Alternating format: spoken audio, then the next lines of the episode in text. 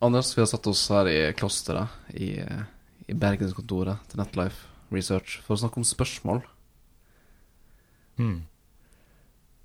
Hvorfor, eh, hvorfor har vi satt oss ned for å snakke om spørsmål? Er det kanskje et spørsmål man burde begynt med, eller avslutta med? Ja, det har jeg spurt meg sjøl om.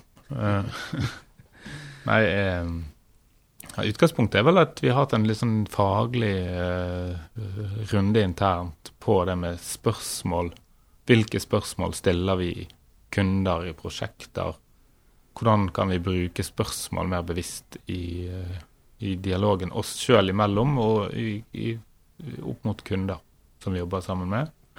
Og for, når, når, det gjelder å utforske de, de um, designproblemene vi er satt til å løse. Og den samtalen er egentlig ganske interessant. For dette viser seg at spørs, det finnes veldig mange typer spørsmål man kan stille. Og det finnes mm, eh, Og ulike måter å formulere spørsmål på har ulik effekt uh, på en prosess. Um, og så er det interessant at vi liksom, har litt en ulik tålegrense for det å være i tilstanden, en sånn mer spørrende tilstand. Det er noen som er veldig glad i å konkludere raskest mulig. Og komme ut av ubehaget i det uvisse, uvissheten. Ubehaget i uvissheten. Eh, og så er det et eller annet med det at uh, når man uh, er leid inn som konsulent, uh, og som en ekspert på design eller brukervennlighet eller tilgjengelighet og sånn, så er det kanskje lett å tenke seg at man kommer inn i et møte fordi at man har masse svar på hvordan ting skal være. Ja. Det er jo ofte det denne ekspertrollen er litt sånn merkelig. For vi sitter jo på en måte som eksperter på masse virkemidler. Designvirkemidler. Vi er jo ikke ekspert på kunden. Eller på, på, en virksomhet som har noen brukere som skal gjøre et eller annet, f.eks. Vi må finne ut av det for å finne ut hvilke virkemidler som er best egnet til å skape den verdien vi skal bidra til å skape. Eh, og For å finne ut av det, så må vi rett og slett stille en hel haug med spørsmål. Og så er det noe med at den kunnskapen vi sitter på, er heller ikke statisk. Den er, ikke, den er liksom ikke evig. Vi jobber jo en, med et material som er det digitale, som endrer seg nærmest fra uke til uke. Så vi er jo nødt til å stille oss sjøl spørsmål om dette er riktig måte i lys av sånn som verden har utviklet seg. Uh, for å holde liksom uh, det hestehodet av kunnskap som vi har på fordi at vi jobber med dette hver dag. vi må aldri stivne. Og spørsmålet er jo en slags måte å unngå å stivne på. Så hvordan begynner man å omfavne uvissheten? Hva er første steget inn i det ukjente? Nei, altså jeg vet ikke Altså, alle, vi, alle går jo rundt i uvisshet uansett. Uh, og så føler man uh, noen ganger ubehag ved det. Uh, og mange Altså, jeg er jo liksom politisk sitter i, som var i bystyret i Bergen, og så jeg ser også at også der er det liksom en voldsom tendens til å konkludere. jeg syns jo det er mye mer interessant når man kan ha åpne politiske diskusjoner som kretser rundt spørsmål og politiske muligheter, og ikke bare liksom blir en sånn her retorisk øvelse i å, å, å, vinne en, en, diskusjon. Og det bør være utgangspunktet for enhver designprosess. Uh, at man formulerer kanskje ett eller et sett av spørsmål som man ønsker å utforske i løpet av designprosessen, som skal munne ut i en konkret løsning.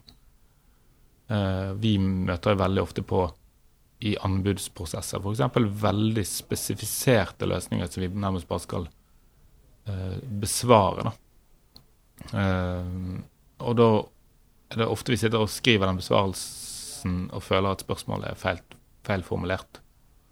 Eller at man har konkretisert ting for tidlig. Så Det første er å begynne i den åpne enden av enhver prosess. Hva er det vi egentlig skal løse? Hvem, hvilke behov er det vi eh, faktisk skal dekke. Eh, og det er interessant, for i seg sjøl så er det ofte at man finner, kommer ned i dypere lag av eh, Og gjør seg erkjennelser eh, allerede der, som er av utrolig stor betydning. Og det, dette er for meg som Det er sånne ting som eh, veldig fort er lett å si, Mm. og høres veldig smart ut. Men Mm. eh, hvordan i all verden eh, tar man fatt i dette her? Hva er et eksempel på et sånt bra inngangsspørsmål som kan liksom åpne den, den porten? Altså, jeg har prøvd å tenke litt rundt det der. Altså, jeg, som journalist så har jeg lært meg det at det finnes f.eks. åpne spørsmål og lukkede spørsmål. Det er et sånn grunnleggende skille mellom ulike måter å stille spørsmål på. Det ene er å stille et sånt eh, Hvis du skal stille et spørsmål til et barn, så er det mange journalister som feiler, for de spør ja, har du hatt en fin dag i dag. Eh, og så svarer barnet ja. Og så blir det stille. og så blir det stille. Uh, og så, så må de få komme et oppfølgerspørsmål, og så sier du eh, har du gjort mye gøy i dag, og så svarer barnet ja. Altså det, uh, det du må si altså Hvis du stiller spørsmålet på dem hva er det gøyeste du har gjort i dag, så åpner du for at barnet kan fortelle historien om det, det fine som har skjedd. Og da blir det en interessant eh, historie, det blir mye mer interessant radio, f.eks. Eh, og det å begynne med et åpent spørsmål, det var i hvert fall grunnleggende um, eh, Ja, det si at det er liksom en helt sånn basic ting. Eh, og mange prosesser begynner med lukkede spørsmål. Som for eksempel. Eh, som for eksempel s- Ja, altså det kan jo være sånn Skal vi velge plattform X når vi skal lage ny nettside. Altså man begynner i teknologienden, klassisk. Og så prøver man å avgrense Og det man setter opp da, er en constraint, en, en begrensning, en ramme for prosjektet. Uh, uten at man ennå vet hva man skal gjøre. Uh, Så vi, En måte er å begynne på en måte med det helt overordnede målformulering. Hva vil vi oppnå, f.eks. i en digital kanal? Eller hva, vil, hva trenger vi å jobbe med i organisasjonen internt? uh, før man egentlig sier om man trenger vi et intranett. Uh, altså en mer sånn hvilke, Hvor ønsker vi å bevege oss fremover? Eller hvilke mål, uh, hvilke brukerbehov ønsker vi å eller i mange organisasjoner er det sånn Hva er det egentlig kundene våre får av verdi av oss? Og hva er den digitale plattformens rolle i, i det å gi kunden den verdien? Eh, og det kan man jo da starte med å bare analysere. Sette opp eh, undersøkelser. Og så får man ofte svar som er veldig overraskende. Men de spørsmålene da, de er jo, eh, de er jo skrevet ned og, og formidla i bedriftsstrategien. Mm. Dette vet jo alle i bedriften svaret på. Hva verdi man gir til kunden osv. Det, altså, ja, det er jo selvfølgelig det innvendige. Man har jo alltid Jeg mener ofte man, man i, og- og I sånn merkevareperspektiv så har man tendens til å si at vi, vi skal innta en posisjon, og så glemmer man at man inntar jo ingen posisjon. Man blir plassert av kunden. Um, og for å forstå hvor man befinner seg, så må man spørre kunden. Uh, og, og, det er jo et eksempel på et åpent spørsmål som ikke har noe. Det, det, det først og fremst Målet med, med det første spørsmålet er egentlig å finne ut av om de antagelsene man gjør om seg sjøl, stemmer.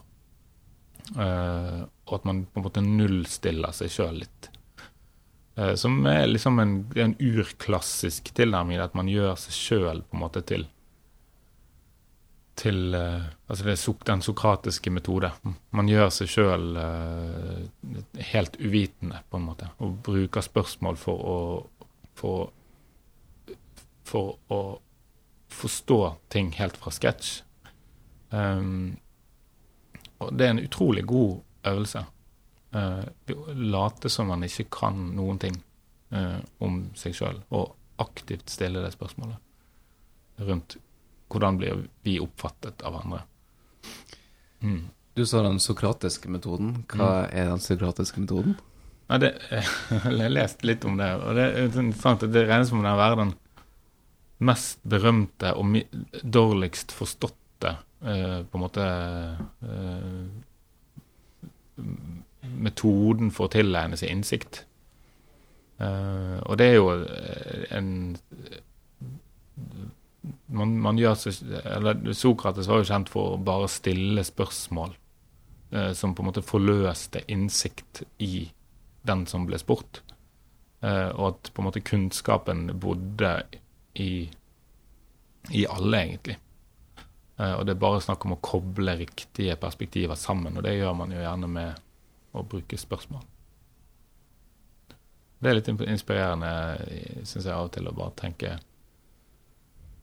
på min egen rolle i prosjektet. Å være den personen som stiller alle disse eh, spørsmålene og får uh, på en måte både koblet sammen ulike hoder gjennom spørsmål, og koblet sammen ulike og Kanskje stilt spørsmål om premisset og grunnantagelsene som ofte får veldig dominerende betydning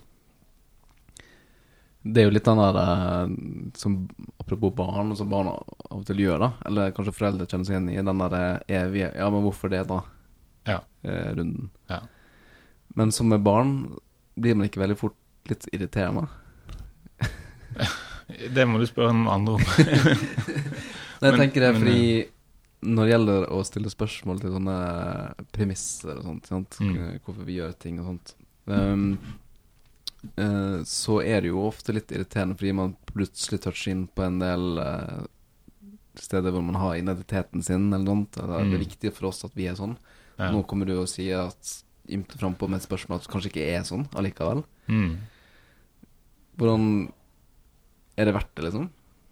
Det er jo verdt. Altså det å vise bare, altså for, for, for, å ta det med å stille spørsmålet hvorfor, eh, så er jo det en del av liksom denne lean-metodikken som oppsto i Toyota-fabrikken, og som har blitt en slags standard for alt som heter liksom optimal, produksjonsoptimalisering rundt omkring i verden. Så er det det å stille spørsmålet hvorfor. Jeg husker ikke om det er fem eller syv ganger, men altså still spørsmål om spørs, svaret på det altså Bare spør deg nedover for å finne de underliggende årsakene til hvorfor ting er sånn som de er. Eh, og det kan jo være utrolig frustrerende og provoserende. Eh, men det, det, er også der Jeg har mye på det med et spørsmål uh, Hvordan spørsmål formuleres, det kan også være Man kan ha et, et sånn empatiserende måte å stille spørsmål på, eller man kan ha et problematiserende spørsmål, måte å stille spørsmål på. Det er ikke noe, noe, galt i noen av de måtene å stille spørsmål på, men man må være litt bevisst på det eh, i prosessen. Og kanskje særlig prosesser der det er liksom etablert eh, ulikheter eller konfliktlinjer. Um, men, men, jeg tror at man kan generelt egentlig i tilværelsen være flinkere til å stille mer sånn empatiserende spørsmål. Prøve, prøve, å forstå den andre. Prøve å forstå posisjonen, for det er oftest en ganske eh, fornuftig grunn til at folk hevder det de hevder, da, hvis det er et utgangspunkt. Selv om du kan synes at, den, at konklusjonen er på jordet, så finnes det en eller annen eh, logisk streng i at de mener det de mener. Og da gjelder det å grave seg bakover for å finne liksom, hvor er det vi er uenige.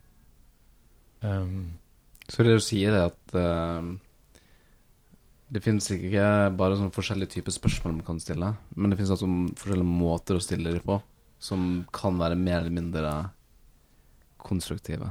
Ja, det, det, og det handler, delvis handler det om intensjonen bak spørsmålet. Og så handler det jo altså Noen ganger kan du bruke spørsmål for å markere synliggjøre, liksom røyke ut. Altså Et eksempel er jo det at man kan stille Noen ganger er folk utydelige på hva de faktisk mener, og noen ganger så er de eh, veldig tydelige på hva de mener, men veldig utydelige på hvorfor de mener det. Eh, og i en prosess med, der som involverer mennesker, så bør, bør man i hvert fall som sånn hvis man har en eller annen fasiliterende rolle i en sånn prosess, så bør man være ganske bevisst på, på å bruke spørsmål smart. Uh, og det har selvfølgelig også masse med sånn rent sånn språklig i hvilken grad du hever stemmen eller senker stemmen og, og bruker uh, kroppsspråk osv. sammen med spørsmålet. Uh, og det er jo også interessant at i en fase sammen med mennesker som du ikke nødvendigvis kjenner så godt eller etablert tillit til, så bør man kanskje benytte seg mer av den liksom empatiserende måten å stille spørsmål på. Eh, men jo større, høyere tillit er i en gruppe, jo mer kan man kanskje bruke spørsmål som provokasjon eller som konfrontasjon, rett og slett for å få frem de brytningene som uh, trengs i alle kreative prosesser.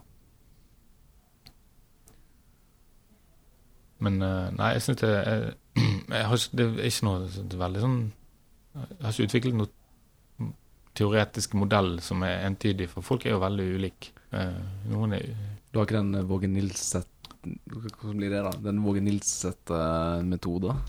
Nei, jeg tror, jeg tror, heller ikke det er fornuftig. Men jeg tror at alle kan ha godt av å tenke litt gjennom sin egen rolle, for vi er ofte ganske sveiseblinde i forhold til hvordan vi opptrer i forhold til menneskene rundt seg.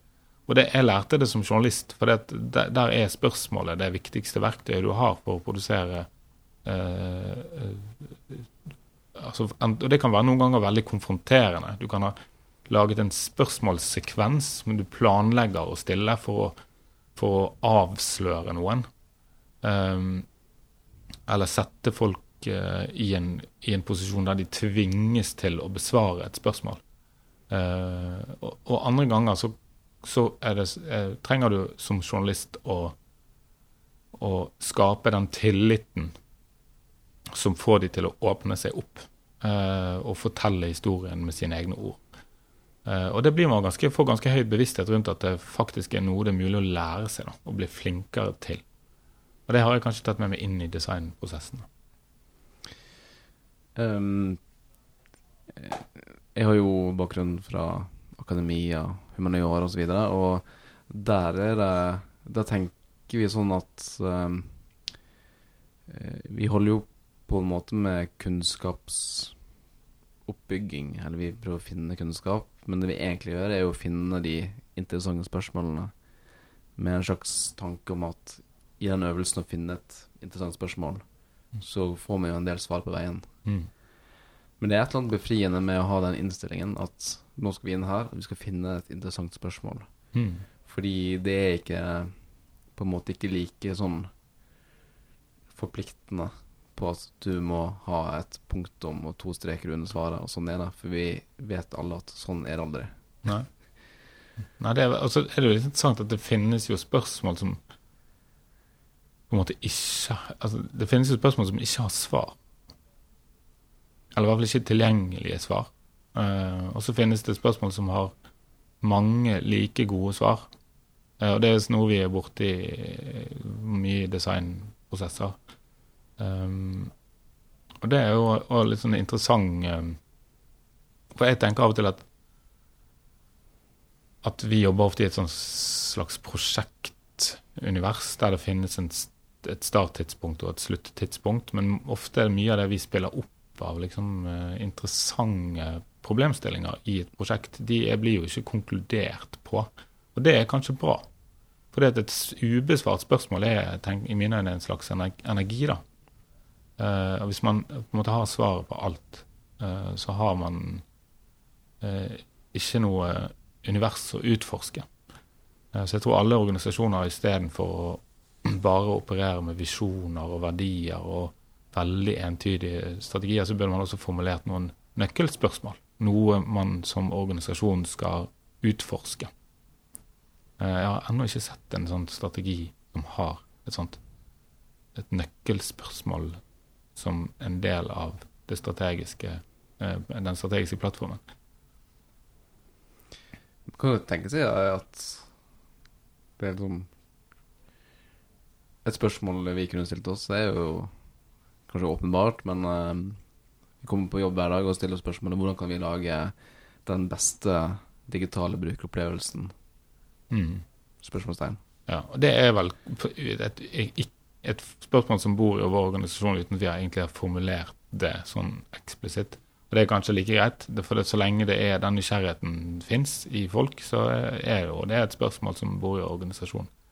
Men det kan også være tydeliggjørende på hvilken retning man ønsker å bidra til, eller bevege seg i, eller hvilket avtrykk man ønsker å sette på verden rundt seg. Um, uh, og, og, og, så er, jeg, jeg tenker generelt at, uh, at, uh, at, spørsmål er Spørsmålstegnet, da, det er undervurdert Et undervurdert tegn i tiden. Mm. som en slags uh, malapropos, så vil jeg jo si at såkalte interrobang, tegnet hvor man har kombinert utropstegn og spørsmålstegnet i ett, ja, ja. det er i hvert fall altfor lite brukt. Det er litt lite brukt. Altså, det er et sånt, et sånt eureka-spørsmål. Sånn, ja. Eh, nei, men det, det er litt sånn rart, for vi noen, noen ganger så får du den eureka-opplevelsen av å endelig ha formulert det riktige spørsmålet i et prosjekt. Altså, og, og det opplever vi vel, veldig ofte. At vi at vi diskusjonene sirkler rundt problemstillingen som føles litt på siden, og så plutselig så er det akkurat som vi liksom kjenner at nå nærmer vi oss liksom essensen av, av, av det vi skal gjøre. Og når du først har formulert det spørsmålet, så kommer liksom dette bitene på plass. Og det, det er derfor jeg tenker at eh, det er kanskje vel eh, Man snakker veldig ofte om fremdrift, og det er veldig viktig å konkretisere. Begynne å bli eh, visuell og konkret i, i prosjektet så tidlig som mulig. Men samtidig så kan man kanskje se på det som en utforskende fase, da. Eh, Før man har denne fornemmelsen av at nå er vi, er vi eh, i ferd med å finne svaret på det rette spørsmålet. Og det finnes jo dessverre i verden ufattelig mange veldig gode svar på helt feil spørsmål. Eh, Og det er ikke minst liksom, i den digitale innovasjonsvirkeligheten så er det veldig, veldig vanlig. Har du et eksempel? Ja, altså Altså, jeg veldig liker uh, Syns Audun Lysbakken er en veldig fin fyr, men denne pappa-appen som uh, et departement uh, han styrte, skulle lage, uh, var et eksempel på noe som var rett svar på helt feil spørsmål.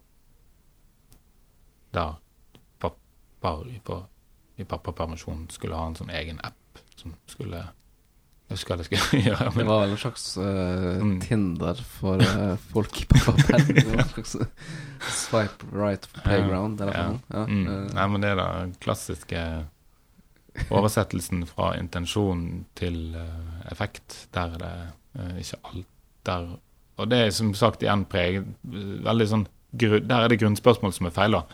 Eh, Spørsmålet Hvis vi har eh, ek- to millioner kroner, eller hvor mye den kostet, den appen, eh, og skal bruke det til å gjøre noe som gjør det bedre å være pappa i permisjon, ehm, bør man kanskje gå ut og snakke med de pappaene først, da. Og så finne ut hvordan de tenkte. Det er sånn, en sånn lettlifesk måte å, å, å omformulere ting på, er å si først Vi har en hypotese. Mm. Og det gikk opp for meg nå at det er en slags Det er å ofte ta et svar og gjøre om til et spørsmål. Mm. Det er sånn Når vi begynner å krangle om hamburgermenyer og, og sånt, Mm. og det blir veldig steilt, kanskje mellom en konsulent og en kunde, Mm. så hjelper det ofte å si OK, dette er en hypotese, la oss teste det. Det, og, og den liksom hypotesedrevne Det er jo en på en måte En hypotese er jo liksom en uh, Det er vel egentlig en påstand Ja. som du har gjort til et spørsmål. Det er akkurat, ja, det er akkurat det. Ja. men, eh, Og det, det handler egentlig om, om, om å synliggjøre for seg sjøl at det er Og ofte kan de hypotesene være ganske gode, uh, men man, man går den omveien om det spørsmålet for å synliggjøre for seg sjøl og for en gruppe at er, det ligger mye antagelser til grunn. Uh, og det er ikke sikkert at man trenger å, å, å liksom gjøre alt så veldig veldig filosofisk. Man kan ha ganske mye sånn sunk eh, kunnskap, eh, innforståtthet eh, og erfaring da, som tilsier at man kan komme opp med en hypotese om at dette tror vi kan funke. Eh, så, men så man, går man den veien om spørsmålet for å finne ut om det faktisk funker. Og Det interessante med det er at det nesten uten unntak produserer tilbakemeldinger i en eller annen form som har verdi. Og det kan være en bekreftelse på at det funker, men at man i samme slengen fikk ny innsikt som gjør at man kan gjøre det enda bedre, eller komme opp med en ny idé eller et nytt perspektiv. Og Det var det som er stikkordet her. altså Det handler om å, å få ulike perspektiver til å brytes mot hverandre, og bruke spørsmål i den prosessen til å til å komme ned i liksom grunnforutsetningene. Og det er læring, da. Eh, og, og vi, jeg tenker veldig ofte på det at vi vi, la, vi lager nettløsninger, grensesnitt, ofte når vi, vi jobber i våre prosjekter. Men jeg føler at i noen ganske mange prosesser så er det viktigste vi gjør, er den innsikten som, som uh, vi systematiserer, og det språket vi skaper i en organisasjon, uh, som gjør de i stand til å snakke bedre om hvem de er, uh, og hvorfor de gjør det de gjør. og da blir på en måte, blir, blir, blir på en måte et biprodukt, men det biproduktet er ofte veldig, veldig undervurdert. Og i den prosessen så er liksom spørsmålet helt vesentlig. Er du sikker på det? Nei.